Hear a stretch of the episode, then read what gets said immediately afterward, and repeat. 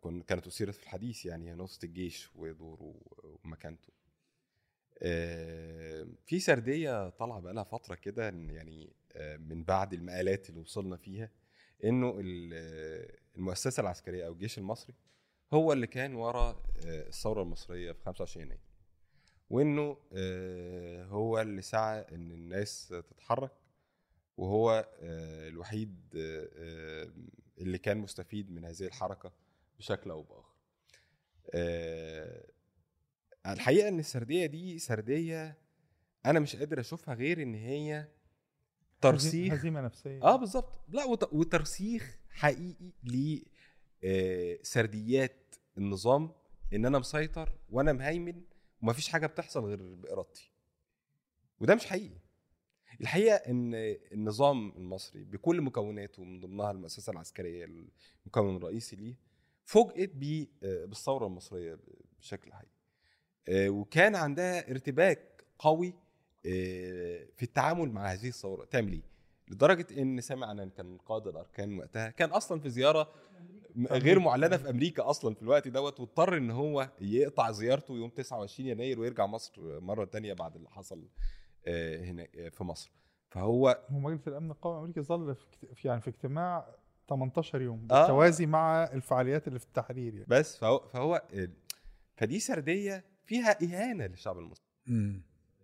ده ده, ده سردية مهينة. هي محاولة تأكيد إن هو أنا مسيطر وإن ما كانش فترة فقدت فيها السيطرة أنا كنت يعني بوظف كل الأحداث لصالحي لكن هذا أمر غير دقيق يعني آه يعني أنا ممكن المقالات أنا معلش هكمل بس. هي ممكن المقالات وصلته كده بس هي السياسة يا جماعة آه واحد يعني أي متغير بيتغير بيوديك طريق تاني خالص. مفيش حاجة اسمها إن كل المتغيرات مهما كان أنت هتعمل إيه هتوصلك لنتيجة واحدة. ده مش موجود في السياسة أصلا. ده مش موجود في الفيزياء حتى ولا في الكيمياء ولا أي حاجة. المت... كل ما تغير متغير لازم هيوديك مسار تاني. لكن الفكرة اللي. المسيطرة واللي يتم تصديرها دلوقتي وإن هي للأسف أصبحت بسبب الهزيمة والإحباط إن هي أصبحت رواية متداولة أنا أنا بتهيألي هو اللي حصل إيش؟ ال- ال- الجيش بالتأكيد لم يبدأ الثورة، الثورة بدأها الشباب آه، المحبطون، الغاضبون، الساخطون، الراغبون في التغيير. لكن اللي حصل أن الجيش آه، أقحم نفسه لاعبا رئيسيا لكي يتحكم بمآلات الأمور. هو اي أي هذا الذي حصل أي كيان ونجح في ذلك. أي كيان سياسي يعني كانوا الناس مثلا كانوا الناس يقولوا خاصة خصوم الإخوان يقولوا الإخوان ركبوا موجة الثورة الحقيقة الذي ركب الموجة هو الجيش وليس الإخوان هو طبيعي حضرتك إن أي مؤسسه أي مؤسسة بعد الحدث ما يحصل مم. تشوف إن هي لازم تخش في تستفيد منه إزاي لازم وتستفيد تخش منه بما إزاي لديهم من. يعني طبعاً. كل كل الدنيا. كمان على ممكن- ذكر بس الارتباك ال- محمد آه، بيحكي عنه اللي حصل وقت الثورة أتذكر موقف كده وإحنا في النقابة آه، النقابة في دار الحكمة وقريبه من مسبيرو فوجئنا ب- بحد آه، من مسبيرو جاي بيقول لنا نقول إيه هو الراجل قاعد في مسبيرو منقطع عن العالم كويس فمع هو أقرب حاجة يعرف فيها الإخوان دار الحكمة. فنزل كويس يقول لنا أنا كان في ناس بتقول لنا تيجي تقول لنا إيه اللي نقوله في ال- في الأخبار وكده ما عادش حد بيجي يقول لنا. كويس فقولوا لنا هن- في غياب. نعمل إيه؟ كان اسمه طارق آه، اللي هو طارق إيه اللي كان راح قعد في مسبيرو ده؟ طارق كان مسبيرو. تقريبا؟ لا حاجة آه. طارق المهدي آه. أيوه هو اللي راح أدار مسبيرو بعد ده كده. أنا والارتباك دوت إحنا لمسناه بإيدينا في كل حتة. يعني هو ال... وبعدين حكاية ان ال...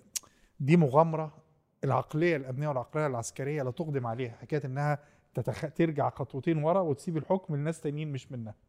كويس؟ لا يعني عواقبها وتدي المساحة مت- للشارع إن آه. هو يشوف نفسه ويقول اللي أنا أقدر أغير بشكل حقيقي. ده مستحيل للعقليه العسكرية إن هي تعملها.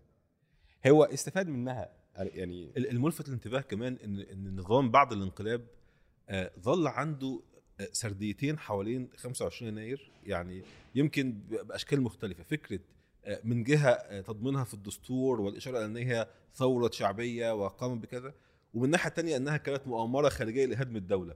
واللطيف إن هو الج- الجرائد والصحف الرسمية بتكتب الاثنين منشطات. يعني الرئيس يقول أن ثورة يناير قام بها الشباب الطامحون ويناير كانت تستهدف إسقاط الدولة وإسقاط الجيش ويكتبوا منشط برضه. حد شادد بودره يعني. آه بالظبط وهو وهو أظن ويمكن حتى يعني في أحد المقالات يعني كتبت حول تفسير هذا الخطاب المزدوج. يعني هو لماذا ظل النظام لفترة طويلة يمكن لآخر سنة أو سنتين يحاول أن يعني يعطي آه، إشارات إيجابية حول 25 يناير؟ البعض ذكر إن هو محاولة ل يعني قطع الطريق حول نخبة مبارك. يعني أنتم. الآن استهلكتم يعني رصيدكم الشعبي وبالتالي ما حدش منهم منهم ممكن يفكر يكون جزء من المعادلة الجديدة. أو كشماعة أن نظام مبارك كان سيء وبالتالي ليه في أزمة اقتصادية عشان نظام مبارك؟ ليه في كذا؟ فأحد الشماعات المستخدمة لذلك. اللطيف إن في خطابه الأخير حول آه، 25 يناير عيد الشرطة كان حديثه بالأساس يعني حتى أحد التغطيات عدت عدد الكلمات اللي ذكرها فهو ذكر حوالي آه، يمكن 600 كلمة فيهم فقط 50 كلمة عن ثورة يناير. فقال شرطة الشرطة ودورها وتاريخها وكذا. وكذلك أيضا هذا العام آه، في هذا اليوم هو يوم ثورة يناير اللي قام بها شباب مخلصون والبلد محتاجاكم ويلا ساعدوا. فهو أصبح يعني ال ال الارتباك والسردية المزدوجه لا وتحالف وتحالف يناير. 25 أنت عارف 30 على بتاع آه البرلمان. وتحالف 35 صحيح. اللي أطاح بيهم بعد كده كلهم سقطوا في انتخابات البرلمان بتاع 2000 و كلامك برضو عن حكايه الخطاب المزدوج ده مصطفى بكري. مصطفى بكري اللي بيطلع في لا، التلفزيون ده مش مزدوج بس له ده كتاب متعدد اسمه ال... الجيش والثورة. الكتاب دوت كان في حد آه، أعرفه كان صول في الجيش. فمصطفى بكري عمل الكتاب دوت عن الدور العظيم للجيش في حماية الثورة المصرية. والكتاب ده فيه صور لمحمد البلتاجي وأشياء الكتاب ده الشؤون المعنوية كانت بتوزعه في الإيه؟ في الوحدات العسكرية. فالصول دوت يعني أعرفه فراح جاب لي لأن كنت أنا موجود في صورة منهم جنب الدكتور البلتاجي وكده يعني. فجاب لي الكتاب دوت. ليه؟ بس إحنا برضو إحنا تماهينا مع ال- مع الفكرة دي. يعني وإحنا في الميدان وما بعد الميدان لما كنا كل ولادنا ويروحوا يتصوروا مع ال- مع المدرعات ومع ضباط الجيش وضباط الجيش بيصدق ال- ما ولا يتمنى بقى، العساكر. يعني. والجيش والشعب ايد واحدة والورد اللي كان بيوزعوه العساكر. لا كان في برضو هي نوع هي من كانت لا بس أنا بس يعني- يعني دفاعا عن اللحظه دي. دي لحظة مهمة ولازم نتكلم عنها لأن الناس دايما بتسردها اللحظة دي كانت محتاجة كده. بس ده حفاظا حصل على على الدولة المصرية. إنه آه، يا جماعة إحنا محتاجين إن يتم ما يحصلش أزمة إن الجيش يخش يقتل في المصريين زي ما حصل في رابعة يا بس جماعة. هي بس حفاظا هي- على الناس وعلى الدم. آه يعني أيوه زي ما حصل في رابعة إن الناس ما تخشش لا ما تخش ما يخش يقتل الناس. ما ده اللي حصل في رابعة إن هو قتل الناس. بس بس هي سوقت بشكل كبير جدا لفكرة إن الجيش حمس ثوره ماشي أنا هرجع بس النقطه ديت. آه هي أنا أنا متفق معاك لكن هي في الأخير تتابع أحداث. لكن إحنا مثلا لو جينا في آخر 2011 في نوفمبر 2011 كان الناس واصلة لمرحلة إحنا مش عايزين الجيش في الحكم مرة تانية. ده صحيح. تمام؟ بس عشان بس نبقى واضحين. لا بس, بعد خلينا إيه؟ نعود للحظة نفسها. فعلا إحنا بعد ما قراءة ما- الموضوع بأثر رجعي مش دقيق. يعني إحنا لحظة التنحي كان في عدة عوامل أربكت المشهد. فكرة إن الجيش يتخلى عن مبارك بالنسبة لنا كانت فكرة مربكة. يعني الجيش إن هو الجيش لن يقف في دعم مبارك حتى النهاية.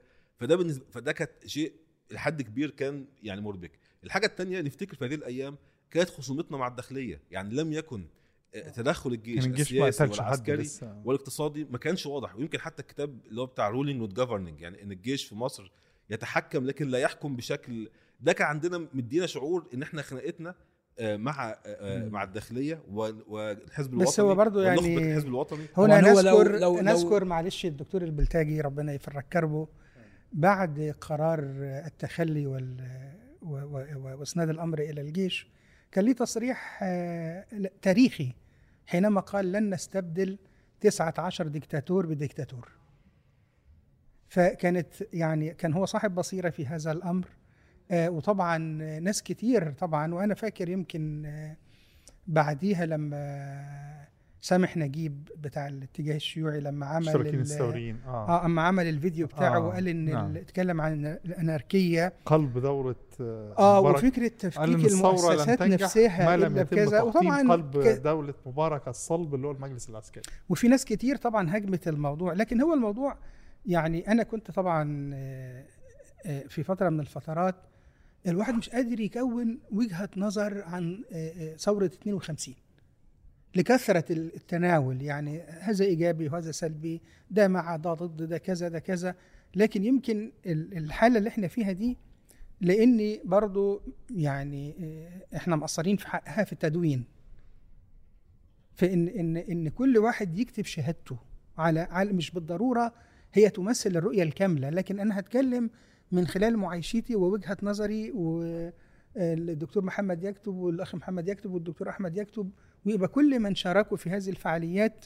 فنقدر نكون بقى آه، رأي مش هنقول هو ال- ال- ال- الحقيقة المطلقة لكن الحقيقة النسبية تجاه قضايا معينة. يعني أنا أذكر أنا كنت فجر 13 2 في الميدان أنا وعدد محدود جدا.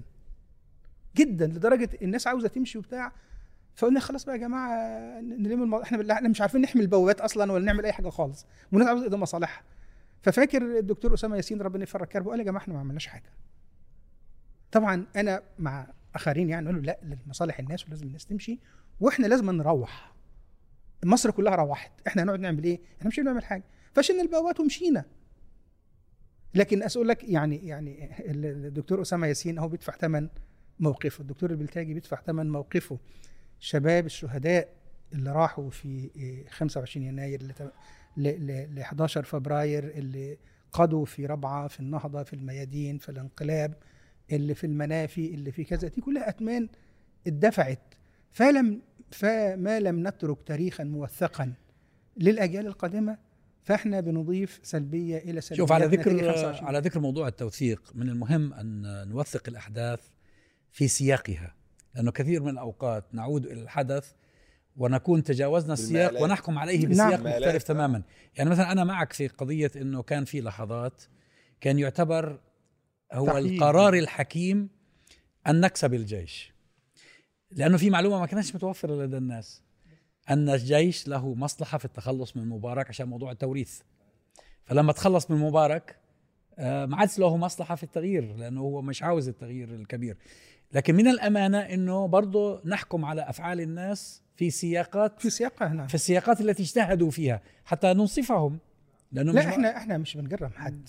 على فكرة يعني علشان كده فكرة الاجتهاد في في ال- في المنهج الإسلامي أن المخطئ فيها آه، آه، آه، يثاب والمصيب فيها يثاب أيضا. بس هي الفكرة إيه؟ إحنا مثلا ال- ال- الجماعة التيار المدني كان وجهة نظر وبرضه بعد الانقلاب نفس وجهة النظر اللي إحنا تبنينا فيها الجيش إحنا كنا متخيلين إن الجيش أسقط مبارك وهيمارس نفس الدور اللي كان بيمارسه والتجربة الديمقراطية هتاخد مسارها هم برضو كانوا متخيلين إن المشكلة في الإسلاميين وفي الإخوان فالانقلاب هيشيل. الإخوان وكذا وتبدا مسار الدولة المدنية اللي طب إحنا خدنا بيه ماشي 40 سنة عشان. ننسى لا هي دي, نقطة مهمة برضه فالسياقات- هي دي نقطة فالسياقات. صح عليها. لكن عاوز أقول يعني آه، يعني فعلا إحنا يعني آه، مثلا ال- المكان اللي كنت ساكن فيه كان فيه شوية من يعني ال- التقسيمات اللي كانت موجودة في بعض المدن الجديدة تلقى مثلا تجمعات ده بتاع الصحفيين ده بتاع المخابرات ده بتاع مش عارف كذا. فقدرا كان معظم اللي حواليا الناس اللي هم ضباط الجيش والشرطة السابقين. فاحنا بنصلي فكانت الوصية إيه طوال فترة كذا. كنت أحيانا أطلع في بعض البرامج الفضائية بتاعي اوعوا تصطدموا بالجيش. اوعوا تصطدموا بالجيش اوعوا تصطدموا بالجيش. طيب حاضر بس أنا ما أنا ما أنا كنت بمثل حزب الحرية والعدالة آه، في في أسبانيا في مؤتمر في بداية تولي الدكتور مرسي السلطه فصحفي آه، عجوز سألني نفس السؤال عن مؤسسة الجيش والقضاء.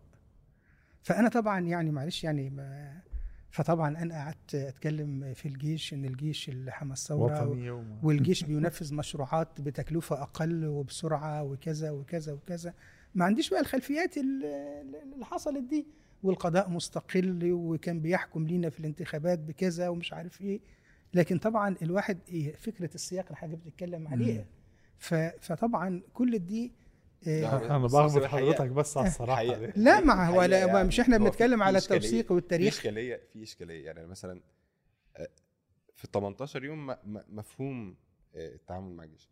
لكن لما أنا مثلا أكون قاعد مع آه، السيد رئيس الجمهورية الحالي عبد الفتاح السيسي في أول اجتماع مع مع ائتلاف شباب الثورة الاجتماع الشهير بتاع الصورة الشهيرة اللي فطحانه في كل حتة كويس يوم 13 فبراير 2011 آه، اجتماع في مقر المخابرات العامة الحربية في مصر الجديدة مع آه،. كان ساعتها اللواء عبد الفتاح السيسي مدير المخابرات المخابرات. الحربية وسيد اللواء آم، محمود حجازي آه، بتاع الجانب نسيبه. المالي آه، التمويل اللي هو كان مسؤول عن الشؤون ماسك المالية ال- لا كان ماسك الإدارية الشؤون المالية والإدارية آه ال وال آه لا يعني هو طبعا يعني في خ... يعني في فرق جذري بين الاثنين بس مش مش ده نقاشنا. المهم ونقعد ونتكلم الراجل في قعدته بي كان قاعد مع مع شباب الثورة بقى فمش عارف إن إن أنا كنت ساعتها كنت ساعتها من الإخوان قبل ما ما اتفصل في في يوليو 2011 آه إنه يا جماعة خلوا بالكم وما تخلوش الإخوان يسرقوا منكم الثورة. فأنا لما أنا أروح واكتب محضر رسمي لقيادة الإخوان المسلمين آه، تقرير رسمي وأقدمه لعضو مكتب إرشاد في وقتها تاني يوم على طول. ويجي رئيس الجمهورية من الإخوان المسلمين يجيب عبد الفتاح السيسي رئيس الجمهورية صعب جدا. دي نقطة. النقطة الثانية النقطة الثانية يعني دي دي مقالات الوضع ده قبل ما أعرف لكن أنا عرفت بشكل رسمي ما ينفعش أجيبه آه، وزير دفاع. دي نقطة. النقطة الثانية الحقيقة أنا بحمل ال- الحركات السياسية الكبرى في مصر بشكل حقيقي الخديعة اللي إحنا تعرضنا لها آه، مع الدولة العسكرية. آه، ليه؟ لأن هم عندهم خبرات تاريخية قديمة للأسف لم يورثوها لينا. إحنا الشباب الجداد ما شفناش العسكر عمل إيه في 52 بشكل حقيقي بشكل واضح وصريح. ما اتكلموش اتكلموا على تعامل عبد الناصر وفلان. يعني هم كانوا للأسف الشديد الأدبيات زمان الأدبيات كان- كانت بتشخص الأمور مش النظام العسكري فعل كذا. لأ ده كان دي دي نقطة ثانية ودي نقطة بس هي مهمة. الحالة المزاجية ما- المصرية. أنا بكلم يعني معلش هقول لك لا أنا بكلم حضرتك يعني إحنا على في 79 لما كنا بدأنا آه، نميز بعض الأمور فما كنا نتحدث مع بعض ال- الاهالي اللي حوالينا يعني عن عبد الناصر كانوا بيقولوا يعني يعني مثلا حد كان يقول يعني آه، عبد الناصر هو اللي قال الآلة ملك للعامل. وواحد بيقول يا ولاد لو مش عبد الناصر كنتوا طلعتوا تحشوا برسيم زي اهاليكم ماشي أنا ما عنديش مشكلة. لا، أنا- مش أنت- بنتكلم أنت- على أزمة آه، الدولة لا، هو- العسكرية. الكلام لا، ده. لا الجانب الاجتماعي يا اخوانا الناس دي أنت هتخاطبها هتخاطب. أهله ما أنا ما لا أنا أنا عايزك تخاطب أبناء لا، هو الحركة هيقول لك- السياسية مش أبناء العوام. مش أب... لا, آه لا بس محمد تنساش في حاجة في في عامل مهم إنه حرب 73 عملت نوع من الفاصل. آه يعني آه مصر ما قبل 73 آه، ونماذج غير مصر ما بعد 73 ما بعد 73 بقى الناس في مصر وربما في المنطقة يضفون نوعا من القدسية على الجيش المصري اللي اجتاز القناة و... آه، وبعدين طبعاً. وبعدين في نماذج تم ابرازها حتى في وسط السياسية مم. زي زي الشاذلي. يعني كانت أب... آه ففي هي يعني حصلت حصلت حاجات. يعني. هي برضو حكاية إن الجيش كان هو دوما اللي بياخد زمام المبادرة يعني الجيش لما عمل المجلس الاستشاري وجمع فيه كل القوى السياسية ما عدا الإخوان الاخوان ما رضوش يروحوا. لكن كل القوى السياسية انتظمت في المجلس الاستشاري الموجود. حتى لما جت بعثة صندوق النقد الدولي كان شرطها الأساسي إنها تلتقي بكل القوى السياسية. كانت ال- الست وزيرة التعاون الدولي فايزة أبو النجا قالت لهم ال- ال- ال- المجلس الاستشاري فيه ممثل لكل القوى السياسية. ما عدا الإخوان فتعالوا اقعدوا مع المجلس ونرتب لكم لقاء مع الإخوان. وده فعلا اللي حصل. فناس تقول لك إن دون كان الجيش هو اللي بياخد المبادرة هو اللي بيدعيك ائتلاف الثورة ودلالات المكان هنا لها اعتبار. يعني هو ما دعكش في جامعة القاهرة ولا في آه، أحد مقرات مثلا الأحزاب السياسية ولا في كذا لا ده دعاك في وزارة الحربية في مقر المخابرات. فطبعا يعني ال ال في في رسائل هنا بتصل على دلالات يمكن المكان. إحنا يعني كنا بنقراها في- في فكرة السياقات اللي اتكلم عليها الدكتور في إن إحنا شايفين إن ما فيش مانع إن إحنا نرتب الأجندة سوا ونشوف مصالح مصر ونشوف كذا وهذا كذا. منطبق على الفكرة اللي أنت ذكرتها وهي معلومة أنا معك يعني ربما أنت شفت وسمعت ورحت قدمت تقرير لكن أنا سمعت بانه الدكتور محمد مرسي رحمة الله عليه هو أصلا لم يكن يعرف السيسي ولا يعرف غيره من من قادة الجيش بشكل جيد.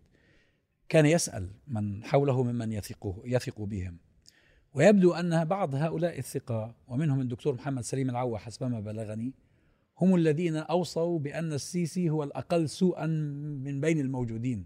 لا هو يعني بمعنى إن هو كان يبحث- متوترة من حادثة الاتحادية. فهي يعني برضو هي أيضا لها لها سياق.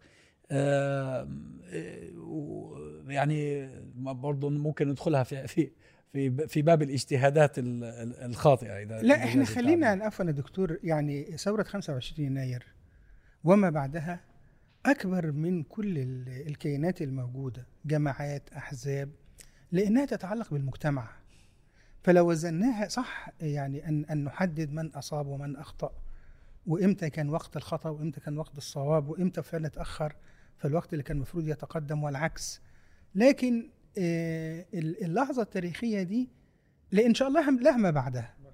يعني يعني يعني إذا كنا إحنا بنتحدث مثلا دولة زي تركيا حصل فيها خمس انقلابات عسكرية. أنا بتهيألي إنه الانقلاب إيه- إيه- على ثورة 25 يناير كان لا مفر منه. بغض النظر عن إيش الناس عملت هي ما هي دي أو اختارت. ما ليه هي لأنه المخاوف اللي هي حضرتك هي ذكرناها هو. مسار التغيير هكذا. أنت لما تيجي تغير من وضع في غاية السوء وفي غاية الفساد وفي غاية الإسوداد لم يحصل هذا في جولة واحدة. حيمر بجولات بدليل انه اللي حدث يوم 30 يونيو أثبت أن هذا الشعب ليس مستعدا بعد لمثل هذا التغيير. لأن كثير من الناس لا أنا بختلف معك انطلع في هذا عليه. الأمر. لا, لا كثير من الناس لا. انطلع عليه. لا إحنا معلش أنا حطها خرجت بقى في سياق خرجت- حضرتك أنا زي ما قلت خرجت- من شوية إن في أجهزة إعلام آه طبعا. يعني لا، يعني الشعب بتمارس كان- عليه موجة من التضليل. صحيح. فيعني لا الشعب كان مستعد للتغيير بكل أثمانه. ال- يعني الفادحة والمقبولة والمقدور عليها. بدليل حضرتك يعني أنا خرجت بعد الانقلاب بسنة في أغسطس 2014 وإحنا في المسيرات اللي كانت بتخرج من الدقي أو في 6 أكتوبر أو في كل الأماكن كانت الم- المسيرات تضم كل مكونات المجتمع المصري. لكن منذ أن بدأ ال- المواجهة في المظاهرات بالرصاص الحي بدأت الناس تخاف لأن أنا مش معقول خارج من أول ثقافة سلميه سلمية والانتخابات والرأي وكذا وكذا. لأن يعني أغتال بطلقة ولا ثمن ليه يعني. لا وتدون شهادة لا بس الوفاء 30 يونيو كان لا، سابق على برضه- ذلك لا، لا هو حضرتك لا، لا، اسمعني الشعب بس. ديت. هو سابق كان سابق على هذا بس الشعب أصلا يقول لك لا قادر على إن يدفع الاثمان ليه؟ إيه اللي خرجه وهو ملوش علاقة لا بالإخوان ولا بالأحزاب السياسية ولا كذا يخرج في مسيرة تعت... يعني تعترض على الانقلاب العسكري. إنه عنده ثم... عنده استعداد يدفع الثمن.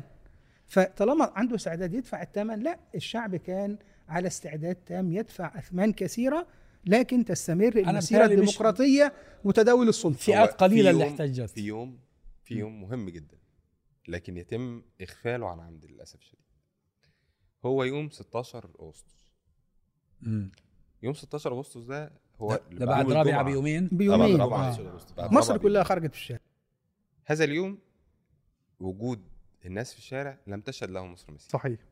أكتر حرفياً أكتر من لم تشهد 25 له يناير. وأكتر من حرفيا يعني تلت- ممكن تكون جمعة الغضب هي اللي شبيهة بيه. الناس نزلت فعلا عشان دماء الناس اللي كانت في الشارع. يبقى عنده استعداد عشان- يدفع. آه بالظبط. عشان وبعد كده النظام يعني يعني أظهر قمة وحشيته. ف- ف- فهذه مسألة آه مهمة لها يعني, دلالة يعني, يعني هي النقطة إنه الناس فعلا بس هي المساحة ما كانتش كده. المساحة إنه إحنا هل قدرنا كان ممكن نستغل هذه اللحظة المناسبة ولا لأ؟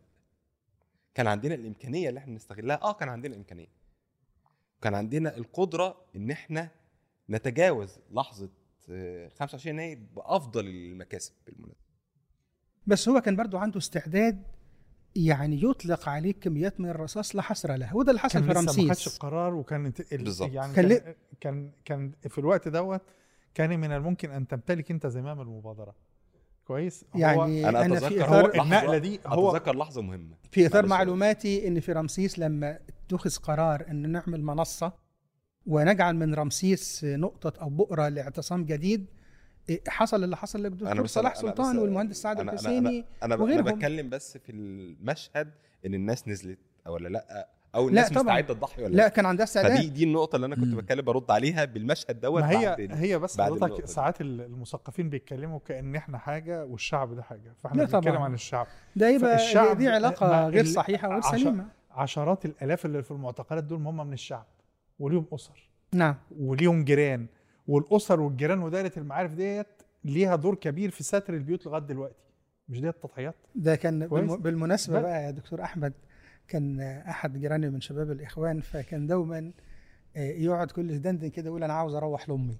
فبقول له إيه يا فلان ده عاوز أروح لأمي؟ قال لي كان معانا في المعتقل واحد مش من الإخوان بس كان دوما يطفي علينا كده روح من من البهجة وإحنا راجعين من التحقيقات. كان بيقعد يقول هزيك كده يعني زي الزجل هي البيت الرئيسي فيها أنا عاوز أروح لأمي. فلا ال- الناس اللي دفعت أسمان لست ل 25 يناير لا فعلا يعني أنا ابني كان ساعتها فاكر في 2013 في آه، ستة ابتدائي أو حاجة زي كده. ففي بداية العام الدراسي ال- ال- المدرسة قالت لهم ارسموا لوحات. فابني وزميله رسموا لوحة مكتوب عليها عيد شهيد. فالمدرسة كانت مبسوطة بيه. فالمهم بقول له يعني إيه اللي حصل؟ قال لي ده آه، فلان مش هقول اسمه هو الآن طالب في كلية هندسة بابا استشهد في رابعة. بقول له انت مش قلت لي ان هو اصيب؟ قال لي لا يا بابا ده توفي. فما رحت قلت له طب خدت زوجتي وخدت ابني ورحنا زرنا الأسرة دي ما كانش لاقيين علاقة بيها خالص خالص اطلاقا. فما قعدنا ست بسيطة جدا. بنتها كانت بتدرس في قسم الفلسفة في آداب عين شمس وبعدين فبنتكلم فبتقول لي ده فلان آه الله يرحمه كان دايما يقول لي أنا نفسي أموت شهيد في القدس. وهو لما حصل سمع الفض مشي راح على ربعة. يعني أقصد لك يعني أسرة لا ليها امتداد إيديولوجي ولا كذا ولا كذا وكان وحصل إنه دفع آه، يعني روحه ثمن لهذا وترك أسرة ببنات. فكرتني حضرتك ففكرة الدفع دي دفع ثمن لا في مصر في فيها رمسيس إن آه، في حد من الايه سمح للناس اللي كانت محتجزة في رمسيس